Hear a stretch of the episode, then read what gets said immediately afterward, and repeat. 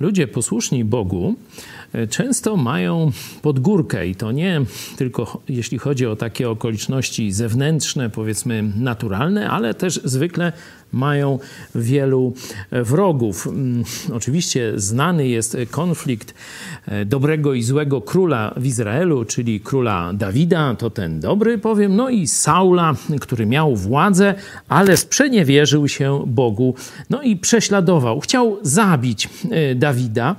E, do tego miał różnych złaków na swoich usługach i donosicieli. Tak się też stało, że donosiciele e, powiedzieli Saulowi, gdzie ukrywa się Dawid. Saul wziął swoich wojowników i już, już miał dopaść Dawida. To jest 23 rozdział pierwszej księgi Samuela, rozdział, werset 26. I szedł Saul po jednej stronie góry, a Dawid ze swoimi wojownikami po przeciwległej stronie góry.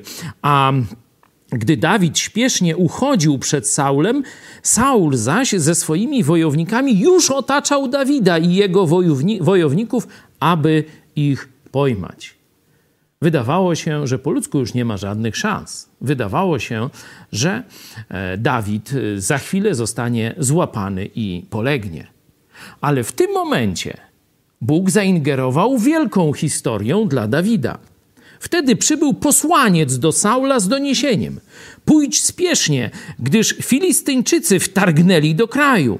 Zaniechał więc Saul pościgu za Dawidem i wyruszył na spotkanie z Filistyńczykami. W ten sposób Dawid się uratował, a dokładnie Bóg go uratował. Oczywiście dla ciebie czy dla mnie Bóg niekoniecznie musi aż tak wielką historię wprowadzić w ruch, żeby nas uratować. Ale jeśli dał Jezusa za nasze życie, to zrobi wszystko, żeby nas ocalić. Pamiętaj o tym.